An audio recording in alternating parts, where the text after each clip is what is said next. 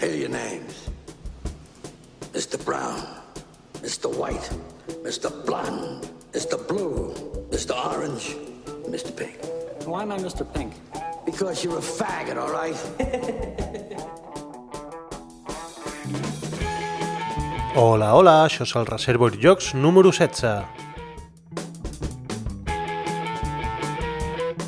Començo demanant disculpes perquè l'àudio de l'anterior capítol, del 15, no va ser de tota la qualitat que volíem i això ens ho vau fer saber alguns i demano disculpes si estem treballant per millorar-ho, ja estem canviant algun software i tal i espero que noteu la diferència cap a millor.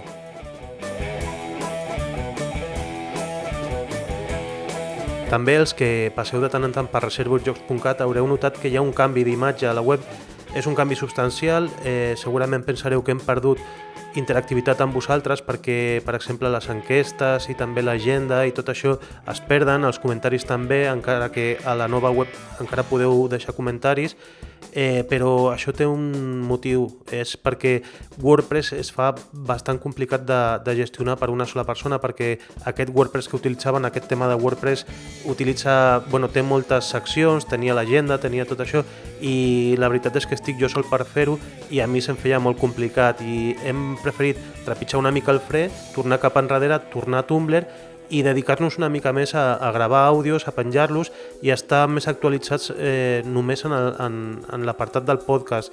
Eh, el que volem és eh, tenir més regularitat i també eh, ser més pragmàtics i guanyar això, en que tingueu més àudios i de més bona qualitat, si pot ser. Espero que funcioni i ja ens ho comentareu si sí o si no.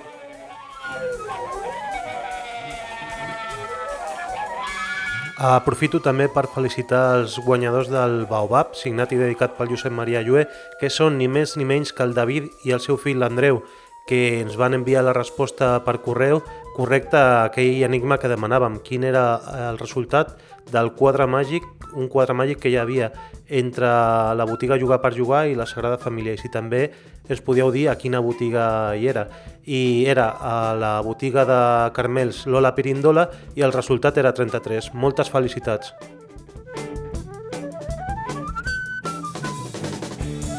Us recordo que si voleu aconseguir un altre lloc, eh, tenim actualment el Patim Patam Patum del Marc Figueres i el Maria Pitarque en sorteig i per guanyar-ho només ens heu de fer arribar per correu electrònic a info arroba reservojocs.cat el dibuix, fotografiat o escanejat, d'una guita.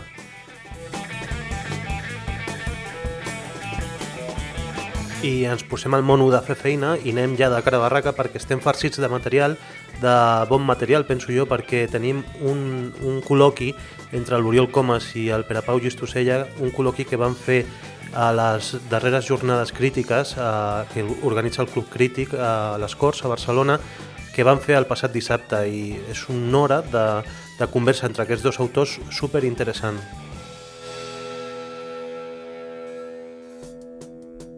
Després del col·loqui vam poder enganxar per banda a l'Oriol Comas i li vam demanar que ens fes 5 cèntims de què és això d'aquest nou festival anomenat DAO a Barcelona. És un festival que ens arriba així com caigut del cel i en una breu resposta ens diu què és i què hi podrem trobar.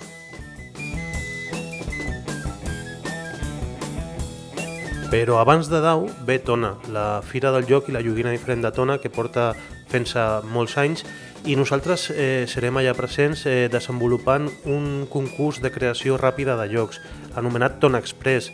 Si voleu participar encara us podeu apuntar, entreu a la web tonaexpress.cat que és tona-express.cat. Allà trobeu les bases i també els premis que es poden donar. Eh, serà molt divertit intentar fer un joc eh, en un temps limitat i amb un material totalment desconegut.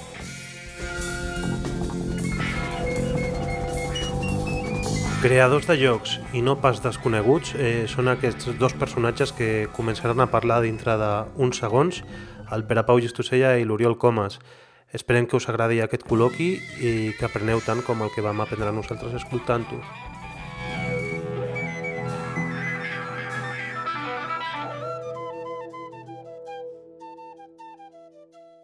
Ens presentem primer? Va, presento jo? Uh, no, jo. A la meva esquerra, Pere Pau Llistosella, que ell potser no ho sap, però és dels millors, si no el millor, autor del país. té jocs molt bons, em sembla que els conec, en conec molts, i en té un que, té, que no ha tingut fortuna, que es diu Kenta, que és una autèntica meravella. Uh, el seu historial com a jugador, ara ens l'explicarà més. No és veritat? Que emocionant. Ara, ara, ara, ara ens, ens ho explicarà més, però el seu historial com a jugador, a veure si ho explico bé, és el petit de molta colla, però molta colla són 7 o 8? Vuit. 8. Que sapiguem. No sapiguem. És el petit de 8 i el petit a les cases, jo també sóc el petit, el que després m'ha m'ha és igual, el, el petit sempre li toca fer coses especials a les cases i amb ell li va tocar fer els jocs, per divertir-se. Com és una família que sempre van junts, jo, és l'única família que he vist que sempre van tots junts, menys un, No. Dos. O sigui, que al petit sempre li toca jugar. mm, Jo era la Nancy. O sigui, tinc dues germanes que són les superiors. O sigui, jugar jugava, però feia de Nancy. Eh? Pentinava, I tenia llavors- pèl. I llavors, Parlem de fa molts anys. Total, que de jugar es va posar, com tanta gent, es va posar, es va posar a fer jocs i fins avui. És psicòleg, ha fet moltes coses, ha fet treballs de gestió, ha escrit, ha escrit molts llibres i eh, jo crec que té un futur com, com a autor de collons. Futur, sí. Futur? Sí, sí. T'haig de presentar tu? Si vols. Coneixeu? El, és l'Oriol. Vale. És, eh, ell diu que jo sóc el més no sé què, però el futur el tens tu. tu o sigui, jubila't ja, jubila't. Jo tinc el passat, tio. No, en sèrio. Doncs, Bueno, hem fet, hem fet una, una petita mm, xerrada entre nosaltres um, al menjador de casa vostra i parlarem de tres coses.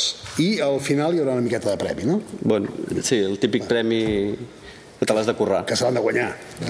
Llavors, la, la primera part és continuant amb aquesta, amb aquesta presentació. Mm, Volem parlar una mica entre nosaltres, que ja, ja ho fem normalment amb una cervesa, però avui així al, al, menjador de casa. Una primera part de el nostre currículum ludi. Després parlarem la, aquesta xerrada que fem entre nosaltres i amb vosaltres es diu Dos autors a l'infern, parlarem una mica de les nostres pors i de les nostres creences quan ens posem davant de- d'un joc, davant d'una una llibreta, una llibreta en blanc.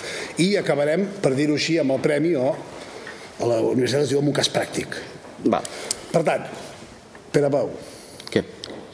Per Ara què- era per la què- biografia. Per, per, Jo- per què jugues tu? Un minut. Per què jugues tu? Un minut. Uh, mm, Quan ostres. jugues? Tens moments... A veure, jugar de jugar amb jocs de taula i aquestes coses. No, jo jugo sempre que puc. Eh, El que passa que a vegades eh, pues, no tens temps, ara en tinc molt de temps, però la gent treballa i jo no tinc temps, però el cap de setmana doncs ara vinc per exemple de casa a la meva germana, que està a Sant Cugat, i és allà és un centre on sobretot amb la família juguem. I llavors juguem sempre que podem.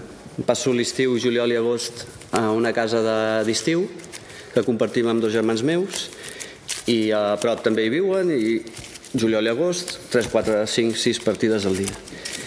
Eh, això és perquè ja tinc una edat. Tu dius que sóc el petit però ja tinc una edat.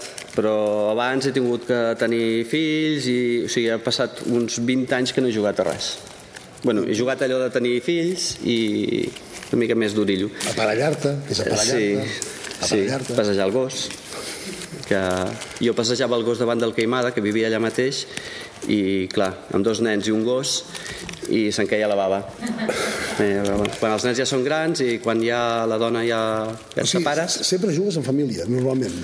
no, llavors hi ha els, els, des de que he conegut més gent doncs el Queimada quan puc un divendres sí, un divendres no, quan puc eh, a vegades quedo ja expressament per jugar a casa de, de jugons. Però clar, és, difi- és diferent jugar amb els teus amics que anar a trobar gent que també juga. És a dir, els que considero amics meus que són els meus dos germans més pròxims eh, són germans però bueno eh, és on hi ha l'ambient on jo quan tenia 10 anys ja els començava a guanyar els escacs van deixar de jugar escacs i, i ens vam tragar Això, això és odiós per als escacs. a casa per Reis sempre hi havia un tintín i, i un joc eh, no eren si ara li dius això El Tintín era d'Hergé i el joc era teu. sí, no, no, quan tenia 10 anys no Ah. després sí després sí Ara Ja, ja, ja tintins. ja, no, no els agrada els tintins als nanos. I ja està, això és el... Doncs jo, com que no he tingut fills, aquests 20 anys que tu vas deixar de jugar, jo no vaig deixar de jugar. Bueno, això és l'avantatge. Jo, jo no vaig... No, no, he tingut la sort de... No, no, no he parat de jugar mai, mai, mai, mai, mai. I, el, I ara tinc una relació amb el joc una mica... O sigui, quan ets, quan ets professional, professional amb el sentit de que et dediques a fer jocs, o sigui, Sí. tu, tu ets, jo tu et considero un professional dels jocs, encara que no crec que no, no em vius d'això. No, no, no encara. eh, fa sis mesos vaig cobrar els meus primers royalties. Bueno, així es comença. Sempre es comença pels primers. Doncs quan ets professional les coses les, les mires d'una altra manera, Ja, encara que imagino. tenim la sort de ser professionals d'una cosa que ens agrada tant que també ens hi podem dedicar com a, com a viciosos. Bueno, Jo de petit jugava... Els, els meus jocs de petits eren el, a l'Scotland Yard, tu ets més gran que jo, no? sí. No el, el recordo. Barricada, tampoc te'n recordes? No, A l'Scotland Yard ara es diu Mr. X. sí. I la, la, la llebre i la tortuga? Vale. Bueno. I, I després no vaig, no vaig parar de jugar, després ja em vaig, em vaig tirar a l'Aquire, al Paranoia una mica. No, jo m'he perdut. Fet moltes coses. Això, jocs. Bé, jo, no, jo a vegades et, et confonen una mica autor amb saber-ne. Jo de jocs no en sé massa. O sigui, jo, jo el que sí que jugo moltes vegades, moltes coses diferents, perquè crec que ho haig de fer. Però saber-ne, o sigui, a mi em preguntes per autors, El braç, per exemple. al braç sí, a Guales, però em perdo. No, O sigui, el concurs que farem després d'autors, tu no participes. Hi ha un concurs d'autors, però no, jo participo, a veure si tinc sort, però, però no, no. Vull dir que jo cultura, a veure, ja et dic, mm, dels anys 80, que jugàvem a casa. Jugàvem al bridge, jugàvem a, al Mahjong, jugàvem al risc quan va sortir, jugàvem a jocs de rol, jugàvem... Tot el que llavors era novetat. Però d'ara, doncs fa 4 anys que m'hi he posat. I tampoc és... Quatre? Sis, com a mínim. 2012, bueno, sí, diguem sí, 4 o 5. Fa sis anys jo vaig jugar. 2007? 2007? eh? Cinc, cinc, cinc, cinc. Tinc. Bé, i ara jo jugo, jo jugo a estones. Jugo a estones com que no tinc una feina estable, no tinc una feina amb horari, doncs quedo moltes, molts matins per jugar amb, mm. amb, amb gent. Mm, Moltes vegades, de vegades juguem els mateixos jocs, de vegades no. Tinc una timba tots els segons dimecres de mes per jugar sempre el mateix joc de fa moltíssims anys. Uh -huh. el, L'Eusis, el millor joc de la història, és igual. I jugo amb, amb gent, amb alguns amics que quedem per sopar i... Però tu, és que tu tens una vida molt ordenada. I jo No- no soc no molt creguis, no desordenat. creguis. Jo jugo en tant tant, quan puc, quan... I tu, veus? No, no, no, no. no. Ah, no, no, no, Segur no, que- no. que sí. No, i tinc, tinc la, la sort que he pogut, he pogut, he pogut, no, participo des de fa anys en concursos de creació de jocs. Això, per un costat, et treu temps i ganes per jugar als jocs que van sortint, o sigui, no, no estic al dia de- dels jocs que surten. Uh -huh. Les novetats estic molt poc al dia. En canvi, estic al dia de les, diguem, de les tendències que hi haurà d'aquí dos anys. Uh -huh. El teu joc, si diu va, clar, jo el vaig conèixer mm, poc temps després que tu. Poc temps Sí. després que el fessis, me vas presentar en un concurs, jo el Quatre vaig jugar... mesos després. Exactament. Per tant, amb això és, és, un, és un avantatge, perquè coneixes moltes coses, coneixes moltes maneres diferents de fer, però també és un desavantatge perquè Ja. és molt tastalletes. Bueno, a casa juguem sobretot jocs meus, perquè són bons i els agrada. I, i els altres són cars. Algú I, havia de dir. I el braç, que és el millor joc del món. Un Juguem. dia, un dia em va fer jugar al braç i com va acabar la partida, de veritat que això és el millor joc del món? Bueno, tu em vas, em vas fer jugar un parell de vegades a l'Eulesis i... Home, s'ha de... Bueno, per sort, els jocs... Sí, és la estan, gràcia. Clar, cadascú té... Sí, n'hi ha de tot. Bueno, eh, no els avorrim més, passem, No, va, passem al que els interessa. Per què fas jocs, Pere Pau? Dic alguna que interessi. Perdó, bueno. Digues per diners... No, si voleu em poso sèrio. No, no. Ah, no. Jo, eh, bueno, abans es dic que era psicòleg, però també he recollit cireres al Maresme, so, he sigut mestre, he treballat en una editorial, en una llibreria, o sigui, sóc un cul inquiet. amb un estudi d'arquitectura. en un estudi d'arquitectura, he fet de delineant, he fet... O sigui, no sé què sóc, vaja, i no sé què vull ser. Però eh, sí que aquest desordre que jo tinc en el cap, eh, que alguns diuen creativitat, doncs ho he intentat aplicar amb tot. És a dir, quan feia de mestre intentava doncs, no fer mai una classe igual, quan, etc. no? perquè no me'n puc estar. Llavors, just abans de fer jocs, que jo vaig tenir una baixa de mestre durant dos anys, a casa vaig intentar fer, per exemple, alguna de literatura, de poesia a les escoles. D'acord? I, jo, I presentar-me a concursos d'escriure. El problema és que jo tinc un problema també de dislèxia i bueno, vull dir que jo no ho sabia però jo anava provant. O sigui, i arriba un moment que em poso a fer un joc sobretot perquè era una de les coses que sempre havíem abandonat a casa. Jo havia abandonat per la situació. I casualment va coincidir que jo i tu tens aquí alguna a veure que jo havia enviat un mail feia un any perquè algú em va dir aquí el que en sap a, que a Espanya és l'Oriol Comas i, i vaig escriure un mail haig de confessar que no vas contestar perquè deus rebre, jo, jo ara ho sé perquè jo en rebo en rebo molts i demanant consells i preguntant de tot Però quan vaig respondre va ser l'inici al cap d'un any clar, Quan tenia alguna cosa a dir-te. no, sí, que hi havia un concurs de... Sí, sí, no, no. Vull dir que la casualitat que llavors jo sí que vaig fer aquesta iniciativa, ell es, de, es deu guardar aquest, me l'apunto a la... com es diu allò? A la llibreta d'adreces, Mail list. a mail list. Ves, jo mai puc fer una mail list. No puc, és massa cosa ordenada. Ah, M'entens? fes un paper, eh? No, que el perdo. I, bueno... Es diu llavors- llibreta, Pere Pau. I em vaig animar a fer-ho més en sèrio. No, no, no, llibreta. I em vaig animar a fer-ho més en sèrio, vaig presentar el O sigui, podem, concurs... podem, dir, podem dir a tothom que tu ets fruit del concurs de creació de jocs de Granollers? Bueno, sí. sí. Estic, estic molt content, ja o sigui, els, els, Però, bueno, els no sé concursos serveixen per aquestes coses. Tu sabràs, perquè llavors jo... mm, Vull dir, el que digui, després diran, vaja... Mira, el que surt del concurs, clar, tu mateix. Ho has de ser tu. I, però, bueno... Home, el... de fet, si Babà, ara ja ho puc dir, hem passat uns quants anys. Granollers va presentar el joc, que després va ser el joc Teseu, el va presentar a Granollers, i el jurat no va tenir collons de, de premiar-lo, perquè era massa diferent. Ja.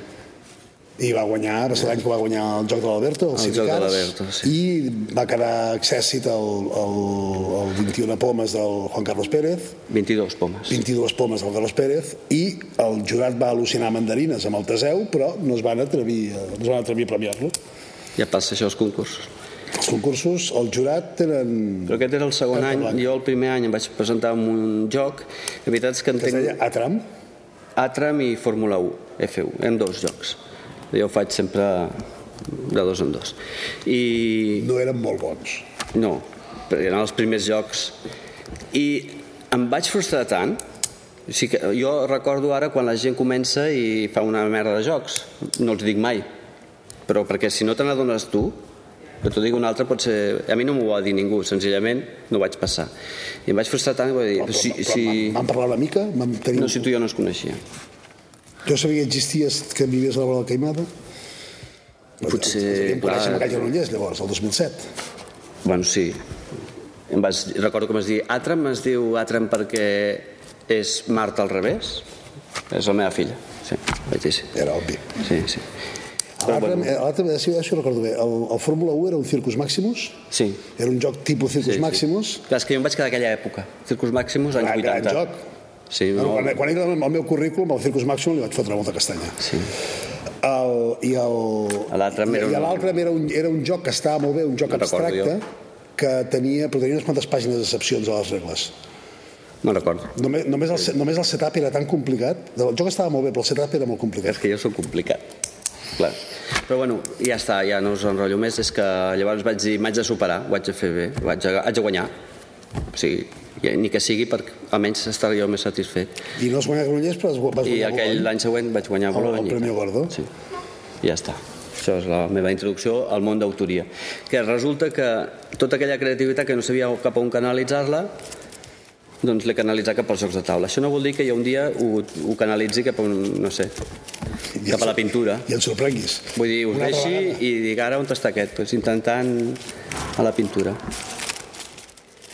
I ja està. Ells poden preguntar també, no?, si volen. Ja ho saben. I tu què? Perquè jo, jo, jo, jo, jo, jo per peles, això era el resum de per què ho faig.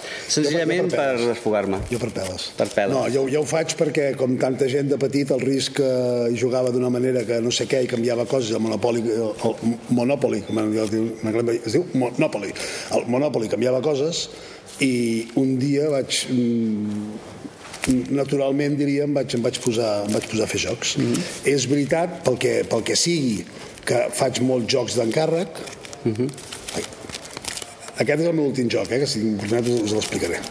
El, per, faig alguns jocs d'encàrrec, això vol dir que són jocs de vegades lligats a, a coses espúries, espúries en el sentit de que el joc no és el més important que hi ha en el joc, mm -hmm. però com que sí que penso que en, el, en un joc el més important que hi ha és el joc, sempre que me'n fan un encàrrec poso per davant la, la llibertat creativa i el, la llibertat de que la feina que faig és un joc, no és una altra cosa. Encara que un joc pot ser una, una eina educativa, o pot ser una eina comunicativa, o pot ser una eina de, de venda. Sí. Llavors ets l'únic autor que viu de la seva feina lligada amb el món del joc, no només de, de jocs materials. Eh, Bé, jo, jo, jo, he vist del, jo he vist del món del joc perquè fa 12 anys tenia, jo tenia una empresa que capitava molt bé que n'estava content i guanyava molts duros, però tenia ganes, t'estàs fent gran i tenia ganes de, de veure si era possible viure del món del joc. Això deu fer 12 o 13 anys, i des de llavors visc algunes vegades millor, algunes vegades pitjor, i visc del món del joc, però no, no exclusivament d'autor. no, no, ja, ja, dic, Faig- no només d'autor perquè és, és una mica impossible, no? Mm. Si no ets un... De, depèn les vendes, és com, com tot. El...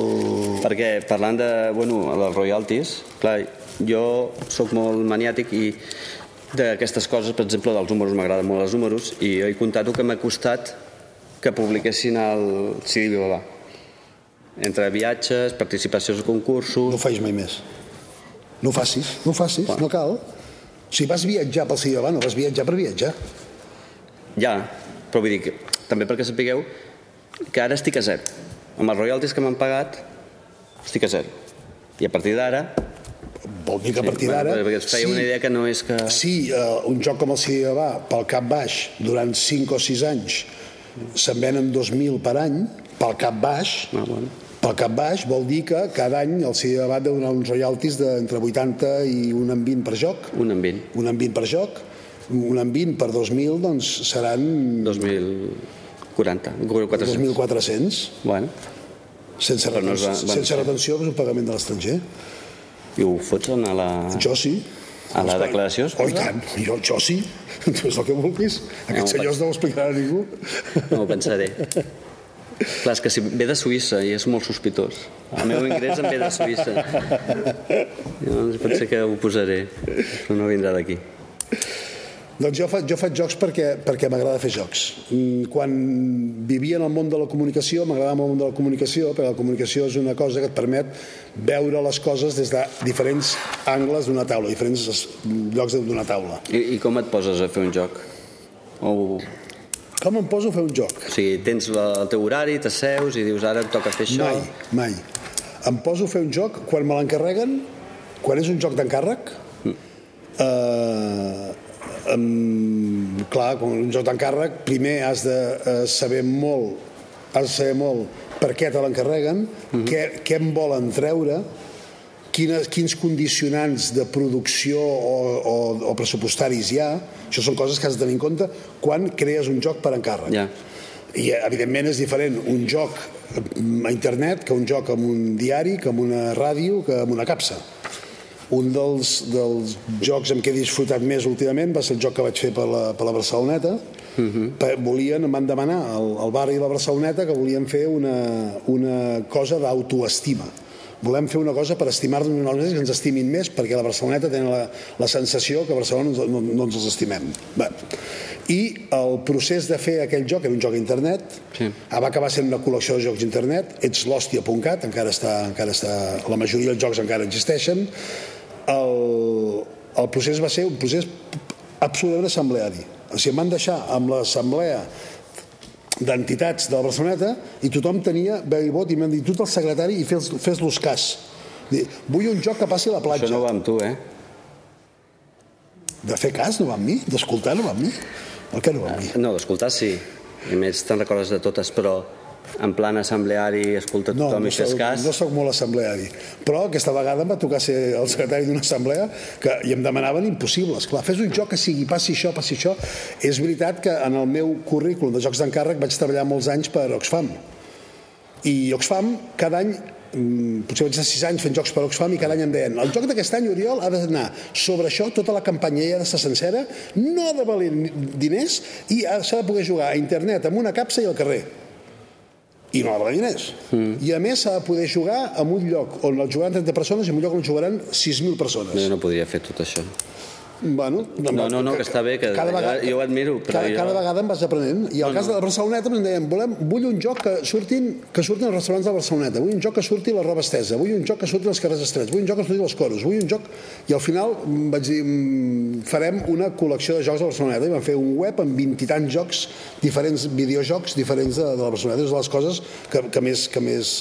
Però el, Mhm. No, no, un cop que- escoltar totes aquestes persones que em van apretar molt o quan estava a Oxfam, un cop fet això jo sempre exigia, i de vegades de vegades quan, ha, quan ha sigut amb agències de publicitat o, o, amb, o amb, amb grans companyies comercials per contracte llibertat creativa, perquè si no si fas, un, si fas un joc en el que no creus jo això, no, no, jo això és el que no, no, no, l'únic que no sé fer és un joc en el que no crec per guanyar diners No, no, això segur. i com faig els jocs?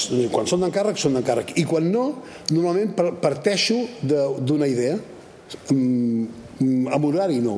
No. Mm, de vegades em desperto amb, amb, una, amb, amb un soroll al cap que no sé massa què és i al cap dels dies l'escric sempre porto una llibreta a sobre i les llibretes apunto, apunto idees inconexes que s'acaben, com, com deus tenir tu, deus tenir una pila de llibretes No, ni una. si tu cada idea fas un joc No, no, jo no, no. Jo ho tinc al cap. Ho ho tens al cap. No, no, perquè és que... eh, Jo soc, amb això soc, soc endreçat, no sé si però soc d'una altra manera. T'ho he dit abans. El, jo per fer un joc, per mi un joc és, un, és una idea. El, el meu joc, diguem, el, el joc que m'ha donat més diners és el Papillons, que aquí no l'han volgut editar, no sé per què, però a França em porten venuts, l'altre dia ho vaig comptar, entre 18 i 20.000, em paguen 18 cèntims per joc, però són duros. Sí, sí. I aquest joc em va venir de... Un dia vaig dir, i si creuem... Moltes vegades parteixo de i si creuem. I allà vaig creuar el 4 amb ratlla amb l'objectiu secret amb el joc per parelles. I d'aquí va sortir el, el, el joc Papillons, que em sembla és un joc que funciona, a mi m'agrada bueno, a mi m'agrada- molt, i sembla que el segueixen reeditant, el segueixen venent, per tant, hi ha un- algunes quantes persones que, que, que els agrada. Sí, sí. No, no, jo és que... Bueno, jo, jo sé que tu ets molt ordenat. Jo ho sé, però si no, no faries el que fas. tinc, eh? No, si no, no faries el que fas. O sigui, tenia al cap... Jo tinc al cap... Jo és que, llàstima, no he portat una foto de- d'allà on treballo, que és a casa meva, a, bueno, a la meva habitació. O sigui, és el caos. És el caos. Més allà més el meu allà. despatx? Sí, home, el Sí? teu despatx és un luxe. Fa dies que no vens. Fotem una foto cada un i ja veuràs, guanyo jo, de desordenat. Te l'enviaré i poses les dues al Coco Colorado. La meva no m'atreveixo. La meva no. Faria una mica d'endreç abans. Uh, no, però, bueno, no, tu, tens, un- tu està bé, però com tens unes limitacions i a partir d'aquestes limitacions la llibertat i la creativitat. Jo és al revés, com que no, no, no, tu estàs una mica a la primera divisió i jo a la segona, intentant pujar a la primera. No em fan encàrrecs, mm, ho faig perquè m'agrada, ara que tinc més temps, que estic a la- a la- l'atur, doncs, mira, m'estan- tinc més temps, i llavors estic completament al servei del meu de que em vinguin les coses i a vegades passen mesos no ve res però jo res d'apuntar està tot al cap no? I hi ha, un dia però això sí que són hores, hores i hores està, jo normalment estic uh, davant de l'ordenador encès moltes vegades no hi tinc res uh, sí que tinc un paper i un llapis però dibuixo o sigui, uh, la meva manera d'estar pensant és anar i dibuixo garbots abstracte mira, potser el dibuix em podia dedicar estic pensant. I fins que ve una idea, ve una altra, es lliguen i tot això. No? Perquè no... Llavors surten coses imprevisibles del tot. I llavors, si tu parteixes que ha de, ha de sortir roba estesa, a mi hi comparteixo i, i al final potser surt un angelet mort. No ho sé. Vull dir, clar, jo crec sí, que ningú... Tens unes lectures, tu, tio. Clar, després quan envio el prototip a França, alguna editorial, que a vegades ho faig, clar, haig de canviar el tema. Això alguna vegada m'ha passat. No? Si envio a França un joc de viruses que són virus que maten cèl·lules o el castell de Cocorín que són habitacions que fan pudor a mort clar, a França ja ho tinc ja ho tenen cobert amb el fil en frisse llavors flors de ro ai, habitacions d'olor de rosa i, bueno, canvio el tema floretes, el virus són floretes però, això. però vull dir que això parteixo... vol dir que, això vol dir que el virus es publicarà aviat? D'aquí dues setmanes veurem la beta per tablet. Oh. A ayudar jugando. Apuntin. jo no l'he vista. Ayudar jugando.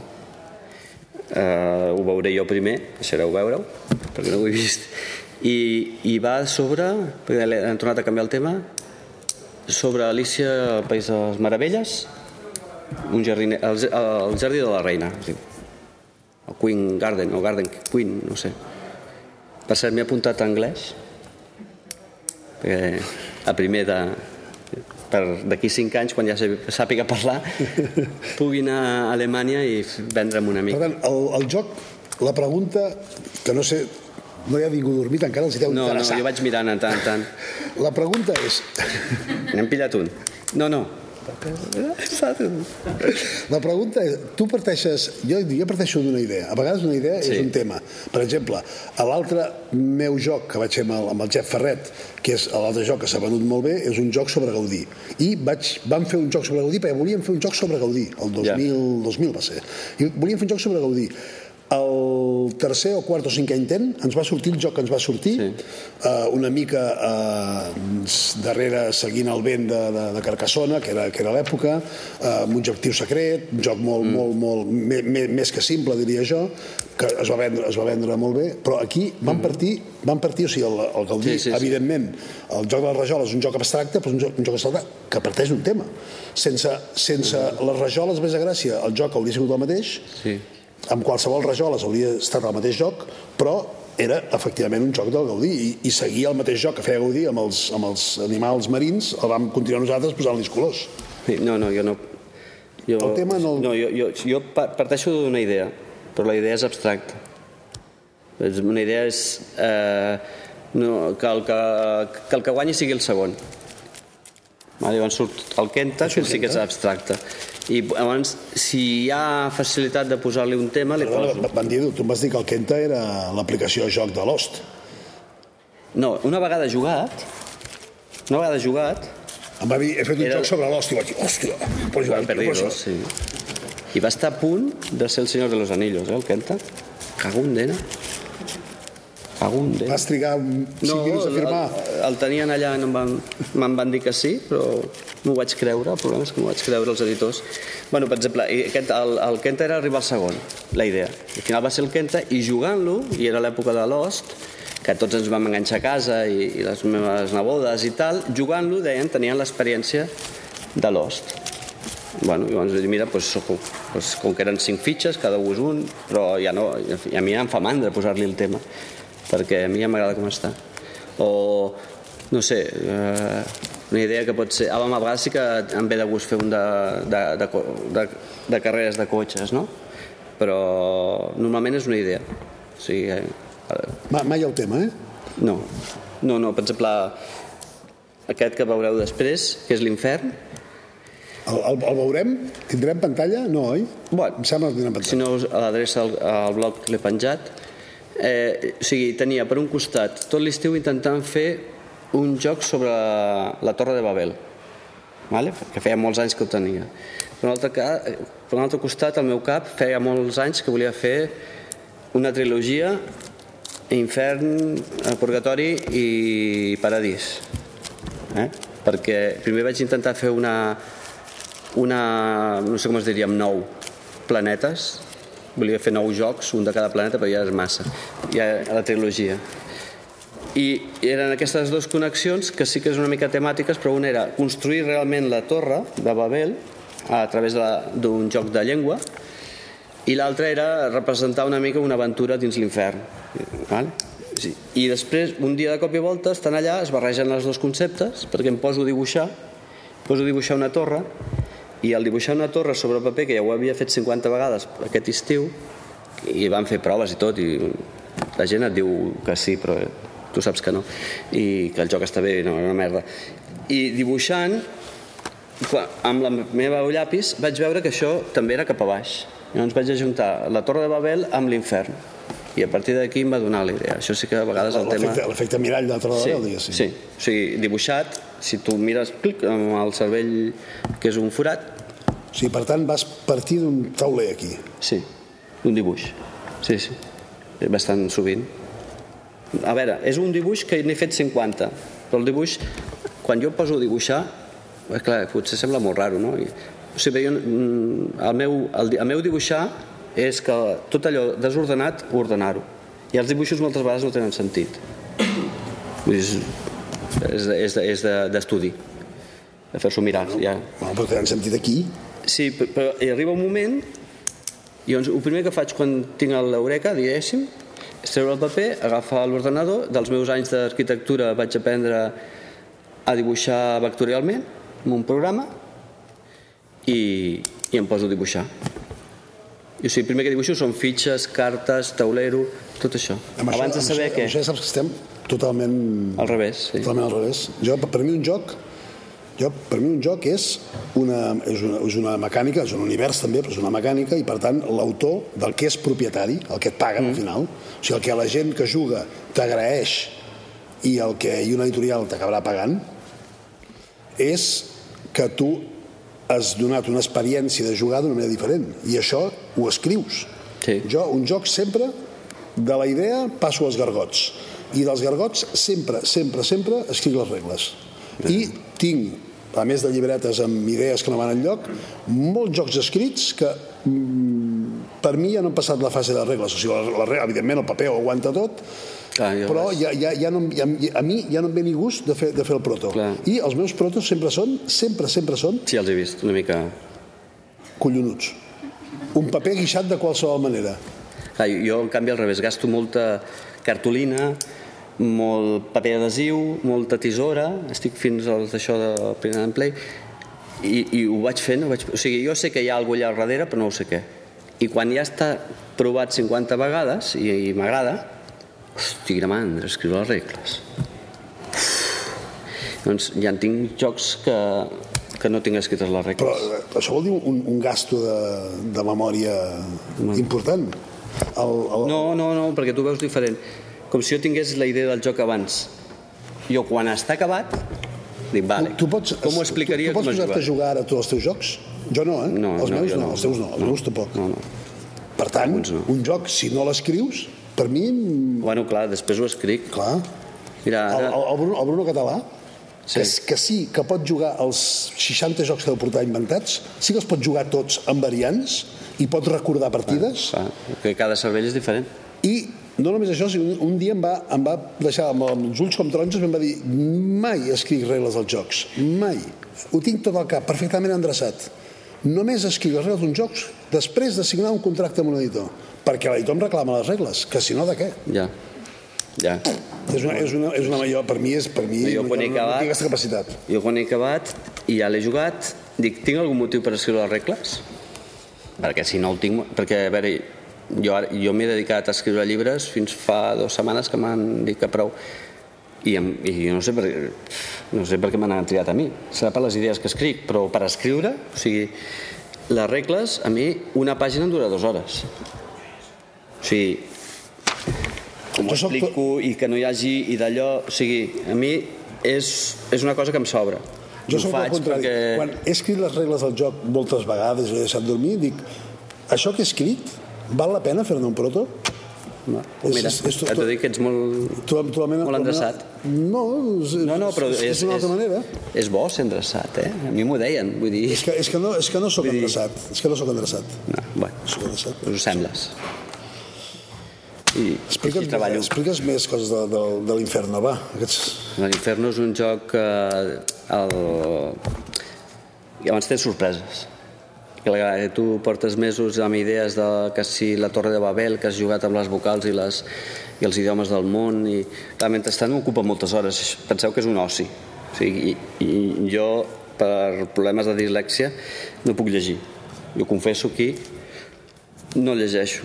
Home, per la feina sí que llegeixo escric i repasso el que escric però, però és, una, és un handicap que tinc jo no, ja fa anys que fa 10 anys que no, no llegeixo novel·les en tant en tant alguna a l'estiu si m'enganxa i això no, ja no sé per què ho deia per què ho deia? m'he confessat i no calia no? què hi deia? què estàvem parlant? De l'inferno. ah, això Quan barreges tantes idees... Ah, bueno. Si jo ho hagués escrit abans, i hagués pogut llegit i representat mentalment el joc, diria, bueno, sí. Mm, pots fer-ho millor. Aparca'l i tal. Però clar, quan hi has invertit moltes hores i moltes hores i molts protos i has provat el joc i, i has fet un proto encara més maco i molta cartolina i l'has regalat i tal, home, escriure les regles pues, ho faig, escric les regles no?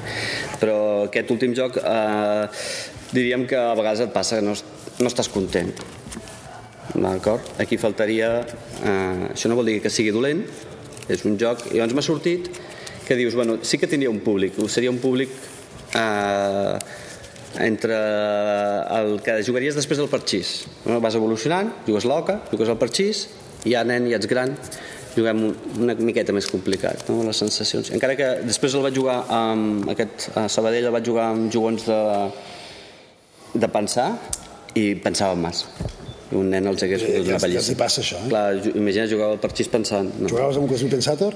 Sí. Ho veus? Sí. Però llavors ha sortit un joc que jo l'he jugat i ja no... Mm, Ja està. En canvi, a vegades la sorpresa és brutal, perquè tu no saps allò com funcionarà i quan veus que ho poses i que tu estàs satisfet i que milloren quatre coses... O sigui, l'últim que he fet, que és aquest després de l'inferno, que és la transformació d'un joc que fa 5 anys que tinc fet, que és, es diu Dinamita, que és l'únic que no he posat a les regles, no les he penjat, no... Eh, perquè sempre he pensat que era un joc, el meu millor joc. Que tens una confiança cega a vendre'l, vol dir això. No, per, sí, és que és el meu, és, és allò que m'agradaria jugar i anar a comprar. Vale? Però ja ho tinc, però bueno. Però aquesta última setmana, eh, ja dic, que estic moltes hores sense fer res, em va venir la idea i s'ha convertit un joc que era no sé quantes fitxes losetes que diuen no sabem com dir-ho, losetes? Bueno, Rajoletes. de xonsis i, i, i que era l'he convertit en un material amb una idea, un joc de cartes. Amb un tabler petit que no cal que i, i amb això dius com només pensant et poses a fer-ho i funciona. Llavors haig d'escriure les regles però bueno, canvien les regles Vull dir que moltes vegades és una sorpresa bona i moltes vegades és un bodrio. Ara, això sí, reconec que des de que he començat, si abans de cada 10, 9 eren un bodrio, ara no diré que al revés, però ja, bastant se n'aprèn. És un aprenentatge, també. Tens un joc a punt de sortir, o, o un joc amb una, signat amb una editorial, això és públic, Sí, sí. No, jo sempre xerro. Un, un 21 motines, A mi porto un retras de mm, Em va agradar més el Kenta, perquè em va agradar molt. Bueno, bueno el Quentes també és editat. Vaig editar jo. I el 21 Mintines el vaig editar jo, també. I ara estic pensant en una altra, una altra edició. Però ja... Ets, ets molt valent, eh? Bueno, Jo de la mateixa manera que no vull ser il·lustrador, no vull ser dissenyador gràfic, a part de que no tinc cap de, la, cap de les habilitats, no vull ser-ho, tampoc vull tocar la part de diners. No... O sigui, Ja. alguna vegada he, he fabricat un petit joc per regalar, però no, no, no, no, no, és, una, no és una cosa que, Però- que em vingui de gust, encara que és veritat que si d'un joc te'n fas tu 100, que et costa uns diners, i recuperes una mica els diners venent a 80 i 20, els dones, et fas promoció i d'això en surt, etc etc. clar, no, és que la idea no és treure diners. sinó és treure el joc. O sigui, és una mica la il·lusió que tens, que aquest joc t'agrada. Treure'l perquè més gent el pugui jugar. Això, quan és la teva afició, dona goig. Després també, veus, llegeixes les crítiques i algú que li, li sembla un joc molt dolent, però bueno, això ja també se n'aprèn, que, que, que, que això et pot passar. Però la satisfacció de dir, bueno, jo de cap de les maneres sé moure'm perquè aquest joc es creï, doncs faig 100, ara miro de no perdre diners, però com que tinc temps i m'avorreixo, Això que dius de les crítiques, a mi m'ha passat dues vegades de les coses que he fet en la vida, he rebut alguna crítica bona alguna vegada, però sobretot n'he rebut dues de molt dolentes, una d'un llibre de bars que vaig fer a l'època ja feia llibres de bars i vaig escriure un llibre de bars i un, un periodista de la nit de Barcelona molt conegut que escriu la Vanguardia, no diré el nom va fer un article només per matxacar el nostre llibre de bars ja, ja, ja. i, però a mi, i ara fa molts anys això, a mi em fa una depre, però aquest senyor per què fa això? Però per què? Si, mm, de com potser hem parlat de, si- de 50 o 70 bars i potser ens n'hem deixat 20 d'importants, però segurament no, i, i, i l'hem fet amb tot el carinyo i Vols aigua? no ens donen pantalla, no ens donen aigua, no ens donen aigua. Segueix, segueix. No, no, no, no era... És que jo massa sèrio no puc I, estar gaire. i, el, i, el, i al final, però de veritat agafar una depre, un dia estava, estava fent una migdiada, em despert i diu, Oriol, surts al diari. Hòstia, que guai. I jo dic, hòstia, no, per què m'heu despertat, no? Es Però, posa- què s'han cregut, però què s'han cregut aquests dos de parlar si no en tenen ni puta idea per una cosa?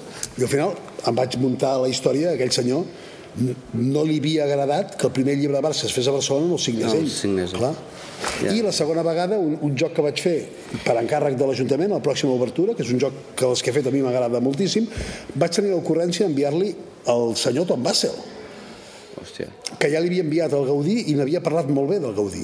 I havia parlat molt bé de l'Àgora Barcelona, ah, el meu. I li envio el, el pròxima obertura i el tio va fer una crítica demoladora. El Tom Bassel, que no se'l coneixeu, el Tom Bassel és un crític, és un, és un senyor que és un capellà, un capellà protestant, té cinc filles, o, i és, és jove, és professor de matemàtiques, i cada setmana publica dues o tres crítiques de jocs que després ell diu que els ha jugat com a mínim 10 vegades no sé, no sé, no sé quina vida té Eh, vivia, vivia a Corea, em sembla, als Sí, Estats Units, Corea. i és un dels gurus del, del, del món dels jocs. Doncs el, el Tom Bassel, el que més li critiquen és que, que fa les coses per diners. Jo crec que no, però diuen que només parla bé dels jocs que el tracten bé les editorials. Jo crec que no. El cas és que li vaig enviar aquest joc, eh, ell, ell va dir, doncs, aquest autor havia fet aquelles coses, i llavors va posar en vermell la seva crítica, si les coneixeu, són unes crítiques llarguíssimes, molt fonamentades, No, no, estan en anglès. No. i en vermell al principi deia pot una mala idea arruïnar un bon joc? Answer, yes. Llavors explicava el joc i deia aquest joc és collonut per això, és, és realment fan, bla, bla, bla, bla, i al final tornava, però sis pàgines, al final tornava i deia per què collons el Ferret i el Comas han posat un dau amb un joc que no li calia un dau? Per què collons? Han arruïnat aquest joc. Gràcies. Eh? De res. Fer abans, això, home. per, què, per què han arruïnat un joc que era bo posant-li uns daus quan no li feia falta? I va dir, aquest joc el puntuo com el meu pitjor joc, pitjor joc d'aquest any. Vaig dir, aquest senyor té un... No, no, és que em digui No, mania, però havia sí. parlat bé de mi una altra vegada, però aquest, aquest senyor... No, bueno, és un aprenentatge. vull dir, Sí, sí, sí, sí. Jo sense tanta, tant, tant Tom Bassel, però un desconegut qualsevol, quan veia que, hosti, que no havia agradat si va, i després La penses... crítica que t'han fet a l'Spielbox, què t'ha semblat? Spielberg és que... En... Està en anglès, està en sí, anglès. clar. No. Estic a primer. Saps Estic què diu, però? No. Has vist la crítica? He vist- T'han dedicat dues pàgines a l'Spielbox, tio. Sí, però m'han enviat l'escàner. L'escanejat al Facebook. I ningú t'ha explicat, t'ha posat mala nota. Amb, bueno, no, va, no, no ho sabia. Però no m'estranya. Al, al final hi ha una fitxa que diu números del 0 al 10. Ah, pues no. Val. Pues no. I t'han posat mala nota, i abans sonava a dir, perquè diuen per què aquest senyor, diu el, diu el crític, ho diu, amb, ho diu amb males paraules perquè No, sí, el, els, el, els crítics... el, el joc és criticable, sí. Vull dir que té... Sí, però no pel que diu ell. El, Vull que no passa els, els, els crítics han de, han de fer de crítics. I llavors diu, per què un autor amb tan bones idees, que ja es veu que té bones idees, per què ha volgut posar tantes bones idees en un sol joc? Ah. Diu, aquest joc, diu, n'hi havia tres de jocs aquí. Això és la, la crítica després de dues pàgines de parlar del joc. En anglès. Curiós. No, no.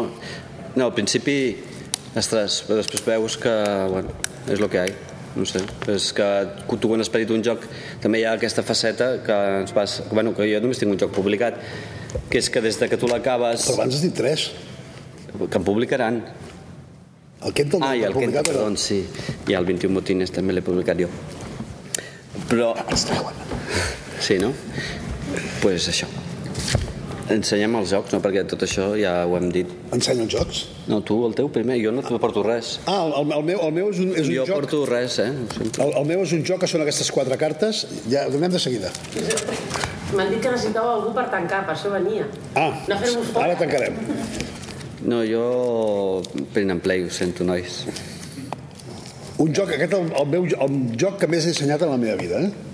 Vaig, què? vaig agafar d'internet uns, uns, uns monos. Aquest és maco, sí. És un, un joc, la idea d'aquest joc és un joc per telèfons, el vaig concebre un joc per, per smartphones i, i, i tablets. Ja està penjat, però no us el dic perquè la versió que hi ha ara no m'agrada i l'estan rectificant, per tant ja us ho diré. És un joc a mig camí entre el cub de Rubik's i les màquines escurabutxaques. O sigui, el cub de Rubik's portat a la mínima potència, aquí a la pantalla ho podeu veure, com és la pantalla de, de, de l'smartphone, portat a la, a la mínima expressió, el cub de Rubik, i amb l'atzar de les màquines escurabutxaques. Sortirà en 15 dies si rectifiquen les coses que hi ha ara, que, que he vist que no m'agraden. No us dic el nom, però si us dic el nom el buscareu i us el baixareu i no us agradarà. Us el diré d'aquí 15 dies. No tenim... No, no, no bueno, doncs funciona. és igual. L'infern. Uh, L'inferno és aquest que us he explicat. Està, l'he posat al post a cocorin... Eh, com és? cocorin.wordpress.com com? Sí. un blog que vaig tancar abans de l'estiu perquè ja cansat de, de, del tema dels blogs, el que passa si no estàs al dia. Llavors, podeu llegir-vos les regles primer, veureu que les he escrit que cada, cada pàgina s'ha estat dues hores, però són maques perquè m'hi dedico també molt al Photoshop i al muntatge, i tot això m'ho passo. Mai. Sí, clar, però és que... Sí, sí, sí. Tu que et volia preguntar abans, que se m'ha escapat. O sigui, el teu temps lliure? Ah, no em diguis jugo. No, alguna cosa a part de les relacions humanes normals i de Sexuals. parelles i tot això, que jo parella m'ho estalvio, de que m'ho expliquis, eh, què, què fas? Llegeixes, per exemple? Això vaig al cine, passejo, Vas al cine, passeig. no? jugo. Clar, i jo... Jugo en això. els temps lliures, en el temps lliures. O sigui, diguéssim sí, que sí, allò és que, que- és que mm, tu i jo no treballem de 9 a 5, no treballem de 9 a 7. Jo, jo molts dies, eh, demà em passaré el dia corrent. Tot el matí corrent, a la tarda aniré al teatre, després nit electoral, que serà molt No, divertida. però tu- però em passaré tot el matí corrent, però Eh, jo, no, jo, jo, em passo el dia jo, el que jugant. volia dir-te és que el teu equivalent al cine, llegir i passejar és el meu fer jocs. Ah, ok. El meu no. I en canvi... El meu- el meu està dintre de 9 a 5, el meu. Quan treballava, que ja dic que estic ara sense feina, quan treballava, bueno, com tothom, treball, bueno, no sé, treball és obligació. O sigui, estàs les hores, acabes, la feina, puntual si pots. Vull dir, llavors, aquell espai meu d'alliberar-me, jo a vegades estic anar al cine, sí, però sí, sí depèn de qui vaig, per, però estar-me a casa un parell d'hores, cada dia dant-le que te pego al cap, ja. Surten jocs. Sí, a vegades. Doncs això, podeu descarregar en l'adreça aquí darrere eh, cocorinamk Cocorí, Colorado no posa el títol? El blog es diu Cocorin Colorado, però l'adreça és Ah, cocorin.wordpress.com wordpress. I si per Cocorin Games també trobareu... Bueno, no se'ns ha dormit ningú, eh? No. Voleu saber alguna cosa més? Avui estem fàcils. Sí, estem facilons. No, no. Ah, en- entre l'autoedició i la- i l'edició eh, a través d'una editorial, Sí. sí. per portar-ho això, eh, m'agradaria que em digués una mica quins, quines diferències hi veieu, quins, quines són els avantatges i desavantatges, eh, si realment és factible o no és factible... Eh, Dic jo? La meva opinió? Mira, el problema que té el que fa una autoedició, perquè jo n'he fet dos i ara la tercera ja serà una mica més, és que com si tu ets l'autor t'has de buscar un il·lustrador, perquè o el que sigui, tu no arribes a un públic. Tu no arribes a un, a un públic suficient perquè sigui rentable. És a dir, per molt conegut que siguis en aquest món, jo, per exemple, he fet una edició de, de 100 quentes, vaig perdre 1.000 euros. I després vaig fer una de 80, perquè vaig dir només de 80 no, amb 21 motines, no vaig perdre diners, però clar, hores de... La, o sigui, el problema és que no arribes... Si no comptes les hores invertides. No, clar, si no comptem les hores. És a dir, el problema, l'autoedició, és el número de ventes que puguis fer. Si tu amb una autoedició poguessis vendre'n 1.000, realment eh, trauries diners a alguna però clar, si tu vas a una... Jo ara m'estic movent, per exemple, que vull fer una autoedició de, de, de cartes, d'un joc de cartes. Clar, si jo me'n vaig a una web, de, que és el que he estat fent aquesta setmana, eh, i demano, que ja ho havia demanat diverses vegades, mai em contestaven, no? una web de, que fa, fabriquen naipes, no? Si tu dius, vull 100 baralles, és que no et contesten. I en canvi aquesta setmana vaig dir, a veure, si dic, a veure què dic, dic, vull 15.000, i em van contestar al cap de 20 minuts perquè llavors, si tu et compres eh, 15.000 baralles de cartes et, cada baralla et surt a un euro potser o menys però si menys, no tinc ni idea però en canvi si en el cas de Kenta que eren baralles cada una valia 5 euros i clar, el preu va pujant. Per tant, has de posar un preu molt car si ho vols vendre. Llavors, el problema és que no, no saps aquí, eh, al públic, perdó, arriba al públic. Perdó, quan, quan dius autoedició vols dir el que fa el Pere Pau, que es fa 100 jocs, o que ets autoeditor? Ja, el, el Martin Wallace és autoeditor, ell s'ha dit els seus propis jocs, però és una editorial professional. El Pere Pau ho fa de manera artesanal, són, són coses diferents. Suposo que sí, referies. L'altre és un tercer aspecte que, que és o sigui, l'autor, l'editor, o fer-te tu, o sigui, convertir-te en editor, que és una altra pel·lícula. Per exemple, el, el Marc Figueres i el Marià Pitarca van fer un joc sobre la Patum, els hi agradava molt, i en lloc d'anar a buscar un editor, se la van editar ells.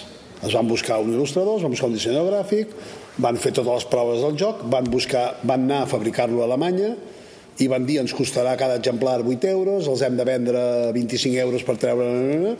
En van fer 1.500 i al final els han acabat venent.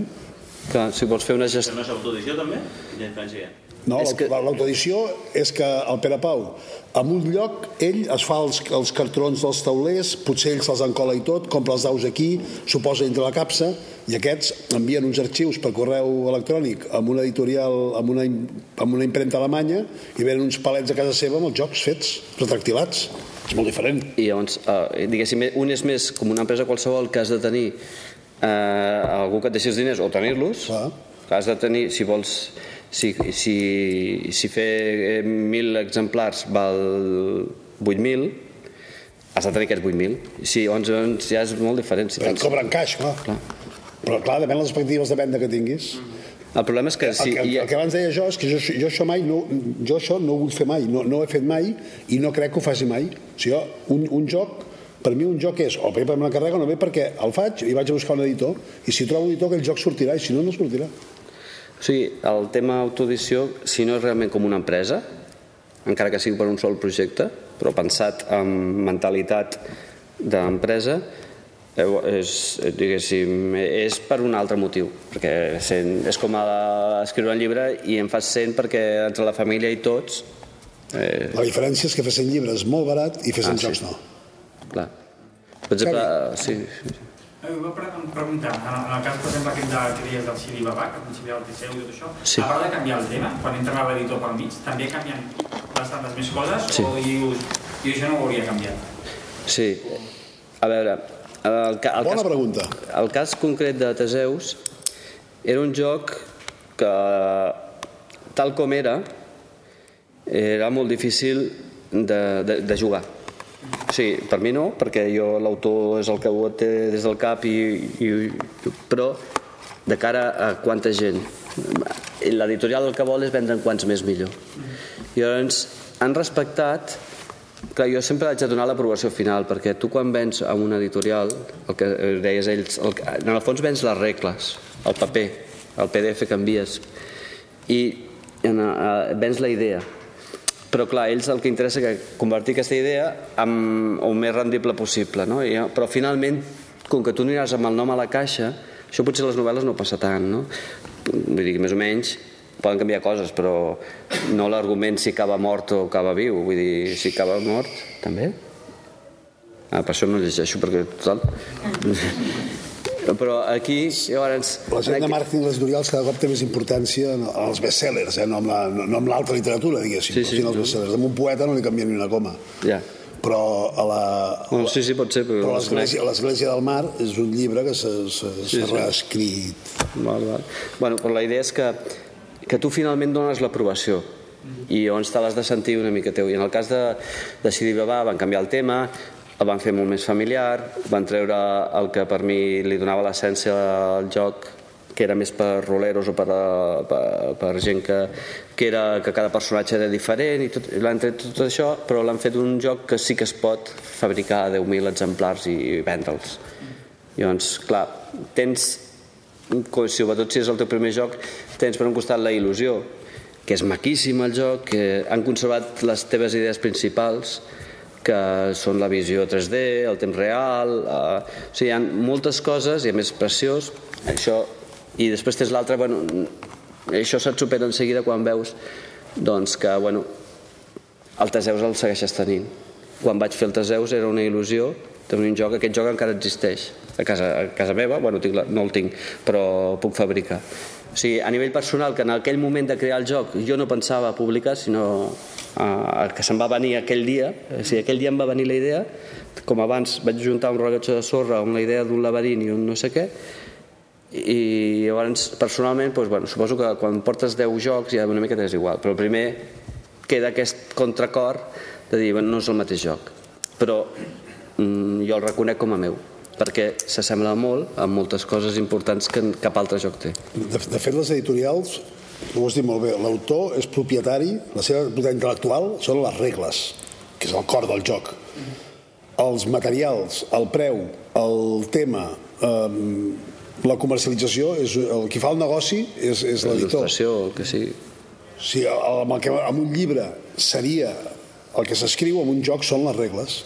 I així tot, amb molts contractes, eh, firmes que el- l'editor té dret a canviar les regles si creu que això és millor pel joc. El meu joc Papillons em van canviar dues regles, amb una hi vaig estar d'acord i amb l'altra no hi vaig estar d'acord. Ens vam discutir amb l'editor i em va dir, Oriol, fes-me cas, he jugat el, aquest joc l'he jugat centenars de vegades com et dic jo és millor li vaig dir "T'he- t'he de fer cas em sembla que t'equivoques jo crec que com, com tu vols fer jugar el joc el joc depèn amb quines determinades persones el joc acaba malament. Temps després em va dir "Mm, Oriol, tornem a escriure les regles que hi ha gent que se'm queixa perquè aquestes regles no funcionen.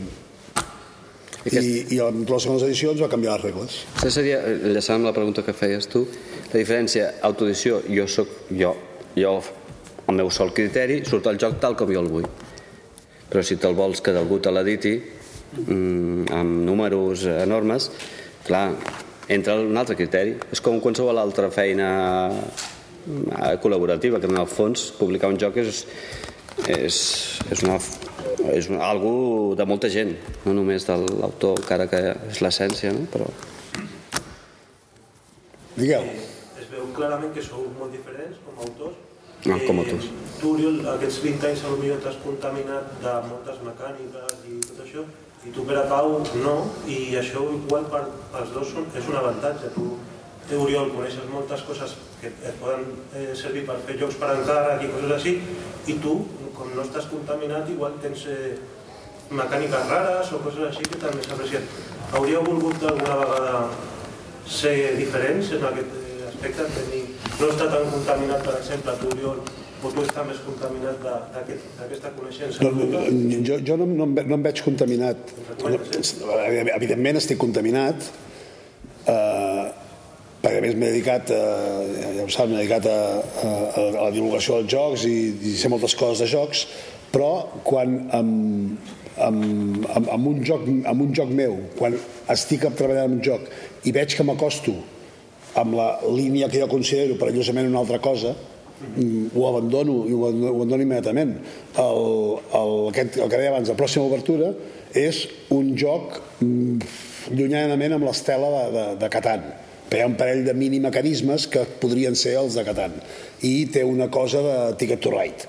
El, el Gaudí és amb la llarga estela que va deixar el Carcassonne. Però mm, si si no ho faig diferent és per no en sé més diguem-ho així jo, bueno, és que ara estava pensant, jo, jo n'he pres molt, és el que comentava, jo estava contaminat dels jocs dels anys 80 i ara, que a vegades hem intentat jugar a jocs i dius, estic aquí 15 anys, no? Més, més guais o no? Més, eren horribles, comparat amb el que hi ha de fa poc. Llavors, jo... jo... Il·luminati. Bueno, Civilization. sí, no, sempre... Original. Home, tu has jugat el seu... Ara, avui, tu jugues al Civilization ara, avui. ara, ara fa un, Ho vaig jugar fa... fa, i, fa Déu unes meu, quantes eres que no jugo al Déu Civilization meu, però quin horror, deixa't estar. Llavors va ser molt guai, però ara és un pal de joc. Bueno, per mi, eh? Llavors, eh, jo contaminat en aquell moment vaig començar amb el que jo sabia. Però el que sí que és veritat és que s'ha de jugar moltes coses moltes, per saber el que hi ha.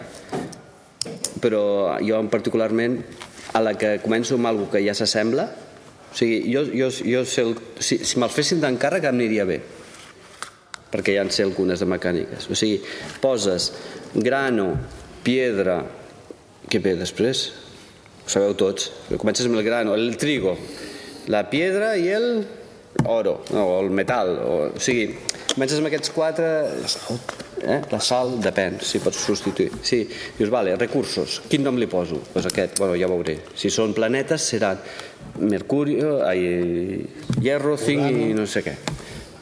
O sigui, jo, jo així no començo perquè ja no, jo penso, a veure, com es pot fer perquè les cartes, eh, jo què sé, un que és un desastre de joc que no, no, no veureu mai, o sigui, vaig inventar una baralla de cartes que, o sigui, que tenen dos cares, abans del Hanabi, eh?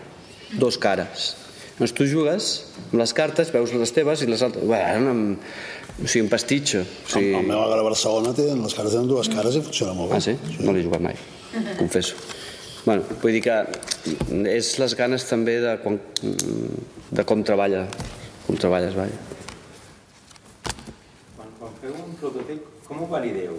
Dir, amb amics, amb, amb grup, o és l'editor que, que fa dinàmica de grups, o com, com ho fan? O de moltes maneres jo, la més estàndard o la més habitual? jo primer els jocs me'ls jugo jo sol vaig canviant a la taula després agafo, depèn del joc si és un joc per nens me'n vaig a escoles si és un joc per gent gran el jugo als meus amics i després intento portar-lo amb el, com més ambients diferents millor com més gent diferent provi el teu joc millor sempre o sigui, l'important d'un joc sempre és ensenyar-lo molt, que el jugui molta gent i que et diguin molta gent que, que els agrada o no els agrada i per què.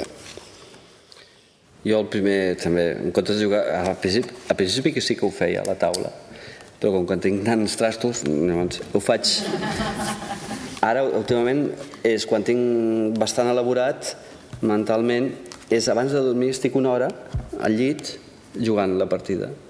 Sigui, jugant-la jugant mentalment, jugant-la, jugant-la, jugant-la, i una i una altra, jugues tu, ara tires un dau i et surt un 4, no ho fas molt conscientment però vas jugant vas, vas, i, i vas veient ostres, però això un 4 no va bé, em surt un 3. Clar, no, a vegades ho fas expressament, fas trampetes, però aquest és el, no, és, no diríem un testeig, però sí que te'n dones compte de molts errors abans que passin. Llavors normalment faig el proto i tinc un grup que sempre són els mateixos, que, que són familiars i bueno, a vegades la meva filla és la primera que juga o que sigui, i llavors allà m'aixequem el joc. O sigui, fins que no s'ha jugat i m'ha aixecat... Si no arriba a 50 partides, és que el joc no és prou bo. Perquè si ens cansem, llavors i llavors hi ha el pas següent que és anar al Queimada, que és un bar més de friquis i llavors, tal. i llavors aquesta seria la prova de foc que si veus que no que, buah, sí, està bé no et diuen res o només que et diguin, es podies posar aquí una majoria de no sé què, i et diuen alguna cosa vol dir que va. i llavors a partir d'aquí llavors ja m'atreveixo a portar-lo on sigui em porto una a la motxileta i, i el trec quan abans quan, quan no tinc vergonya ara ja m'ho demanen i tot eh? sí. I algun I... dia guanyaràs molts diners amb això. Sí. Sí, sí, sí.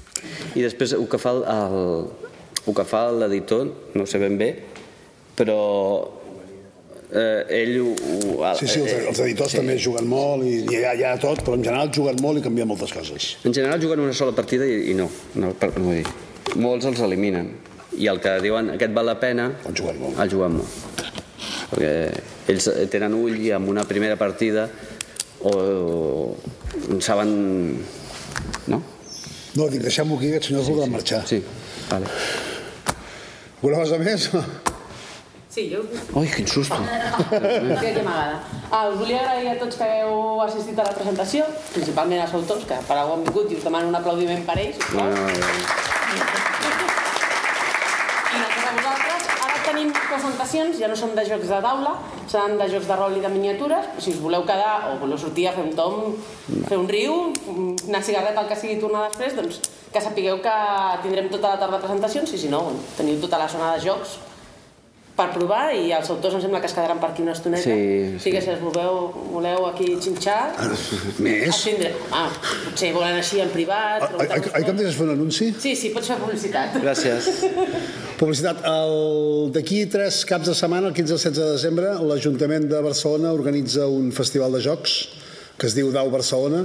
Aquí el cartell posa molt pomposament primer festival de jocs. Si surt tan bé com ens sembla que sortirà, pot ser l'inici d'una gran amistat. A Barcelona s'han intentat, a Barcelona passen coses tan interessants com, com això d'avui, però que l'Ajuntament organitzi un, un, un festival mm, potser és la, la primera vegada. Serà a, a Fabra i Coats, que és una fàbrica de creació artística que hi ha a Sant Andreu.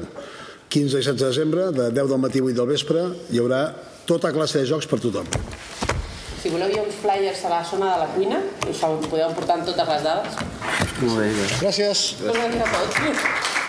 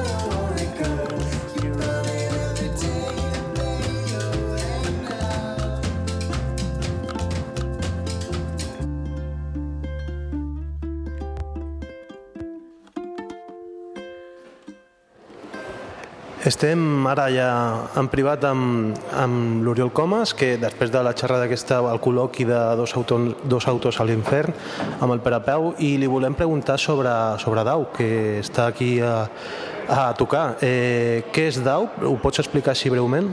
I tant, Dau Barcelona és un festival de jocs de taula que es farà al barri de Sant Andreu de Barcelona, a Fabra i Coats, una fàbrica de creació artística, els dies 15 i 16 de desembre.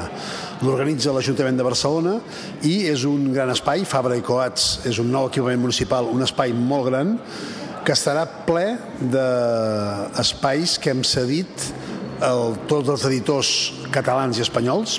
Crec que vindran la majoria d'editors. Hi haurà editors de joc de taula de joc infantil, de jocs de miniatures de rol, wargames que senzillament explicaran a les famílies de Barcelona, tothom qui vulgui anar és d'entrada lliure, evidentment tothom qui vulgui anar els explicaran podrà, tothom podrà veure un ventall molt gran dels jocs que, dels jocs de taula tal com són ara. Així de senzill. Eh, el públic objectiu, per, per, eh, per estar les dates que està, que són molt properes a Nadal, és més dedicat a famílies tam o també podran anar jugadors eh, que ja juguin bastant?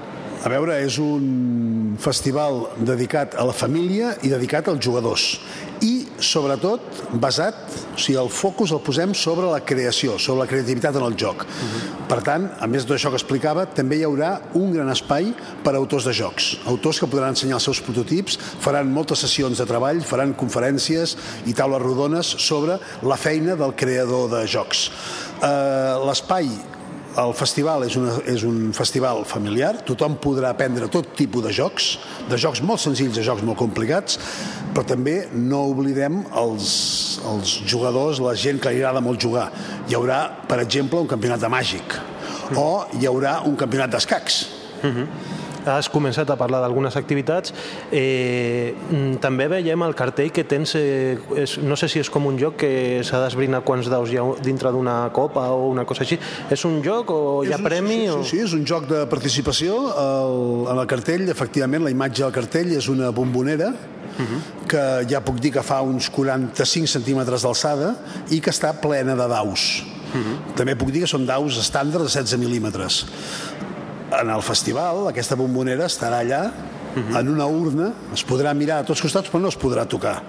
I convidarem a tothom que intenti especular i endevini el nombre de daus que hi ha dintre la bombonera. Qui s'hi acosti més, qui encerti o qui s'hi acosti més, guanyarà una pila de jocs de taula. Eh, sap el, el premi o és, eh, ho deixem en una pila i està per determinar?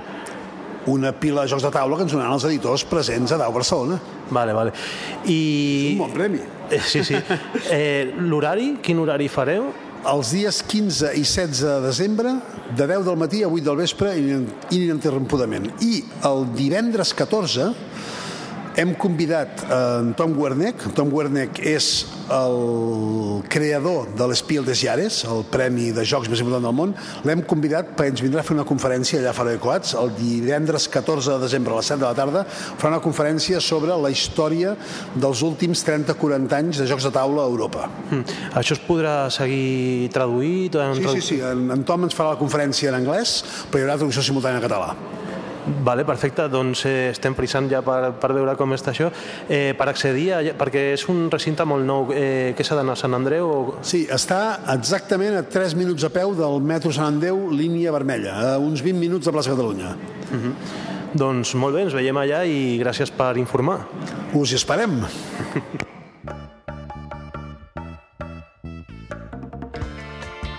I després de que ens hagin explicat què és DAU de la mà de la persona que millor ho coneix, que és eh, l'Oriol Comas, passem a una altra cosa, i és eh, un àudio que tenia, un àudio postpartida, eh, que són les primeres impressions d'una partida d'un joc que es diu Martinique. És un joc d'Emanuel Ornella publicat per Homolúdicus.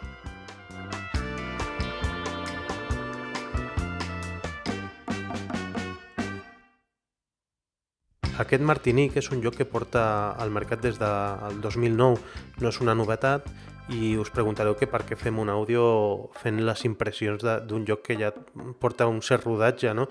Eh, doncs perquè no hem trobat tampoc gaires ressenyes, això no és una ressenya, són unes impressions després d'una primera partida, Eh, però jo també aquí al podcast no vull centrar-me només en les novetats, o sigui, per mi si un joc em crida l'atenció o el vull provar pel motiu que sigui, en aquest cas aquest Martinic de Manuel Ornella és un joc que, que va portar la Pecera, que era un dels patrocinadors de, del concurs eh, Imprimir i jugar de Jugando en Pareja i jo vaig guanyar el segon premi i un, aquest va ser un dels jocs que, que vaig eh, agafar dintre del lot de premis que em pertocava per acabar segon no, en aquest concurs i bé, és un joc de deducció per dos jugadors, el vaig provar amb la meva parella, que a la meva parella també li agraden aquest tipus de jocs i, i bé, donem les impressions després d'aquesta primera partida. Això no vol dir res, però possiblement us servirà per copsar una mica com, com és aquest joc, si teníeu curiositat o l'estàveu seguint.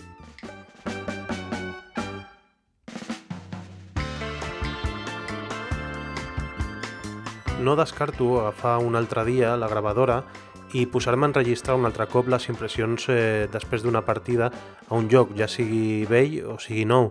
Eh, es, penso que està bé i que li pot donar una mica de frescor al podcast. Espero que us agradi aquesta nova minisecció. Hem jugat al Martinic, de l'Emanuel Ornella. És un joc que, que, bueno, que em va arribar eh, com a premi del concurs eh, de, de creació de jocs imprimir i jugar del blog Jugando en Pareja. És un joc que aportava la, la pecera, la botiga de la pecera, i és un joc exclusivament per dos jugadors i, i l'hem estat jugant, la meva parella i jo, la Neida i jo, i, i jo he guanyat. però per, per una mica de xorra i anem a comentar una mica què ens ha semblat el joc. Em, Primer de tot, com, com has vist eh, el joc en general? Home, m'ha agradat, però mm, queda com una mica descompensat, perquè mm, tu durant el joc vas fent punts, però al final mm, pràcticament no et serveixen de res. Si algú endevina on és el, eh, El tresor. el tresor gran, mm, tots els punts que hagis pogut fer no, no et serveixen per res. Sí, aquesta seria la màxima, la màxima pega que té el joc, no? que, que aquesta, aquesta descompensació que hi ha una mica de factor atzar, com, com en aquesta partida que he guanyat jo de, de miracle, perquè tu per punts tenies més, havies fet més traços petits durant tota la partida, I també tenia més informació. De fet, quan has posat el, el pirata en el lloc on estava el, el tresor ja m'ha donat que era allà, però clar, tu tenies els pirates abans que jo, llavors podies triar els jocs abans, mm. tenies menys informació, però mira, has tingut la sort que, que ho has endevinat. Sí, explicarem una mica com funciona Mhm. el joc perquè, perquè la gent igual no, no s'ho imagina si no, Mhm. si no ho previsualitza i diem que és la illa de Martinica que és una illa mm, quadrada que està dintre d'una d'una gralla de coordenades i és 8 per 8 coordenades no? hi ha 8 que van per números i 8 que van per lletres eh, cadascú tenim quatre pirates que estan representa representats per quatre cilindres de fusta eh, quatre negres i quatre vermells el que comença amb, amb els negres eh, comença el joc i la illa està poblada mm, per, per petites rajoles que, que o contenen informació de, de, les, de les coordenades que no són vàlides per, Mhm. que no són vàlides per, per trobar el, el gran tresor i després també hi ha una, unes altres rajoles que, que tenen com petits souvenirs que li diuen a les instruccions que, que serveixen per agafar els, els tresors petits. Hi ha tres tresors petits que estan composats, el, el més petit per dues rajoles, el mitjà per tres i el gran per quatre. I, i pots ves canviar les rajoles que vas aconseguint a, a la illa fent entrant els pirates des de des de les cantonades, des de... Com, Mhm. Sí, cantonades. Sí. Sí, eh, cap a dins i allà on aterris eh, abans mm, d'on has sortit agafes la, la rajola que, que estaves ocupant. Quan has sortit tens un número de, de moviments segons, eh, segons el, la rajola indiqui i vas agafant. Així també tens eh, possibilitat d'anar al centre de la illa que hi ha uns, uns comodins i també hi ha un parell de, de rajoles d'informació de, de coordenades i quan el teu pirata aterra en un lloc que ja no hi ha rajoles o va al centre de la illa directament l'envies aquí a una, al lateral del tauler que hi ha com un bar que és la, la taverna de Hook, i es col·loca en el primer tamboret, que és com que estigués descansant, i serà el primer que, que provarà sort per trobar el, el, el gran tresor, que és realment el que acaba donant la victòria, perquè T'explicava abans que, que hi ha una variant que diu que, que per no ser tan injust que igual el, el gran tresor pot comptar com, com 20 punts, però jo penso que igualment Però tot i així jo crec que guanyes si, si Sí. endevines on és el tresor. el que agafa el tresor guanya sempre, no? I, i bueno, eh, una altra pregunta que et faria, si tu et sents com buscant un tresor, eh, perquè per exemple els pirates són, són cilindres de fusta, no, igual no és massa temàtic, Home, però els, eh, les rajoles sí que tenen tot està com tematitzat no? de, de l'època dels pirates i tal i com que has d'endevinar on és el tresor jo crec que sí que té aquesta cosa no? no? d'anar agafant informació i volent saber volent descobrir on és el tresor Mhm.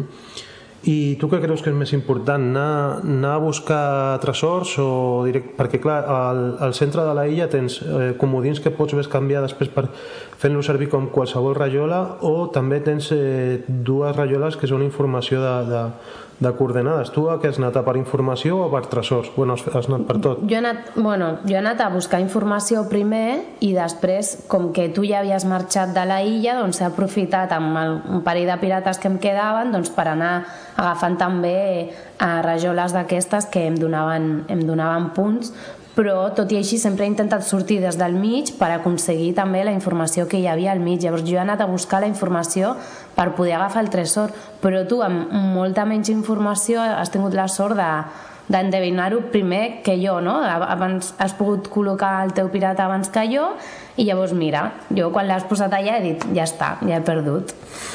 llavors mira, tot i així... Sí, també és important l'ordre l'ordre en el que surten els pirates a, a provar sort per veure de trobar el, En el gran aquest tresor. cas ho ha estat, sí. Sí, perquè sembla que no, però estàs donant informació, informació pròpia. Clar, però de fet a mi tu m'has donat molt poca informació fins al final, perquè tu, on tu has posat jo ja sabia que no era. I llavors jo necessitava que tu posessis no, en, en algun lloc on jo no tingués el número o la lletra per, perquè em poguessis donar aquesta pista que jo necessitava, però quan ho has fet has endevinat on era, llavors ja ja no em servia com a pista, sinó que ja era com, ja, ja ho he perdut. Però sí que sí que et pot guiar, suposo, en algun moment si tu estàs dubtant entre un parell o tres de lletres i l'altre col·loca en una d'aquestes o, o no, doncs ja t'està dient si, si ell té aquesta pista o no, no, no la té. Mhm. Potser igual no hem gest... o tu no has gestionat bé la- la- l'arribada dels pirates fent molts punts per, perquè t'has quedat l'última i al final estaves Mhm. jugant tu sola pràcticament a la illa agafant, agafant rajoletes d'aquestes però clar, t'has quedat tres pirates a, a l'últim Mm. als últims per, per cavar i per provar Mm. sort i igual això ha estat una mica determinant també realment és un joc abstracte eh, té el tema de, dels pirates i de la illa de Martinica totalment enganxat i és un joc estrany perquè és un joc de deducció només per dos jugadors que Mhm. diuen que es fan pocs mm, Mhm. això ho hauríem de comprovar també eh, dura uns 20-30 minuts la partida Sí, menys jo crec, eh? perquè clar, entre que m'ho has explicat i hem mirat les instruccions i tal, doncs potser sí que hem trigat això, però si no, jo crec que un cop ja, ja el saps jugar, mm. potser un quart d'hora, eh? No Sí, a mi, a mi el que em fa una, una mica de ràbia és també que, que trigues bastant en preparar, perquè has de, de col·locar totes les rajoles a, Mhm. a les 64 caselles de, de la illa, no? I, però bueno. I, i res, la, la, el provàvem perquè jo l'havia jugat l'havia jugat una partida només i, i havia fet malament el sistema de, de puntuació final i no m'havia agradat i ara l'estem provant per veure si, si ens el quedem i li donem més oportunitats o, o si el posem a canvi o el regalem o què fem i tu què faries? Li donaries una altra oportunitat o què? Home, sí, jo vull guanyar. no, per, per unes quantes partides jo crec que sí.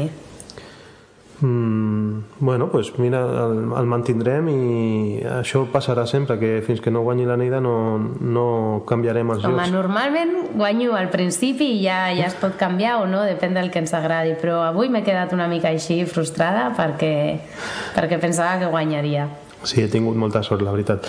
Eh, és un joc que publica Homoludicus, eh, totalment en castellà. Eh, la capsa està many Carcassonne, per dir-ho d'alguna manera, i ve amb una bossa de tela per posar les rajoles, està, està bastant bé, el tauler és de bona qualitat, les, les rajoles també són bastant, bastant bones, eh, el color, bueno, sí, els pirates són de fusta, que està bé, són cilindres, però bueno, i, i bueno, l'ha portat la pecera en, en el premi d'aquest eh, concurs i donem les gràcies a la pecera i, i també al, al blog de Jugando en Pareja i com veieu estem jugando en pareja.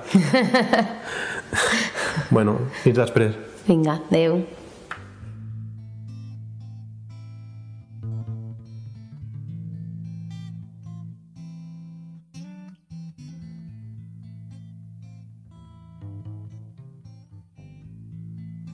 Això ha estat el capítol 16 del Reservoir Jocs.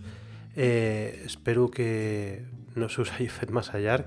Eh, tot ve determinat una mica pel col·loqui del Pere Pau i l'Oriol. Ja sabeu que segurament aquest desembre ens trobarem a, a molts jocs, a Tona, a les Ayudar Jugando, a Dau, i allà hi serem. Tampoc descarto eh, tornar a agafar la gravadora i posar-me a gravar alguna, algunes impressions postpartida com aquestes del Martinic doncs amb, amb un altre lloc. Ara els que estem jugant eh, hem jugat fa molt poc a, a l'Aton del Thorsten Gimler, a aquest joc de Queen Games i també hem jugat al, al joc de l'Estefan Dorra, al joc de cartes a l'Anunter, aquest és de 3 a 5 jugadors. I bé, no, no ens importaria gaire donar-vos les impressions, tant si el joc ens agrada com si no, perquè penso que això és importantíssim, que tingueu informació i no només donar informació d'aquells jocs que ens agraden, perquè al final estaríem una mica eh, desvirtuant una mica el que us estem comentant, perquè si jo provo un joc que no m'acaba de fer el pes, doncs ho dic també i intento expressar els motius, no ho dic gratuïtament. I res més, us deixo ja de, de donar la pallissa perquè aquest capítol ha estat molt llarg i, i res, ens seguim veient i intentem seguir millorant. Moltes gràcies i fins aviat.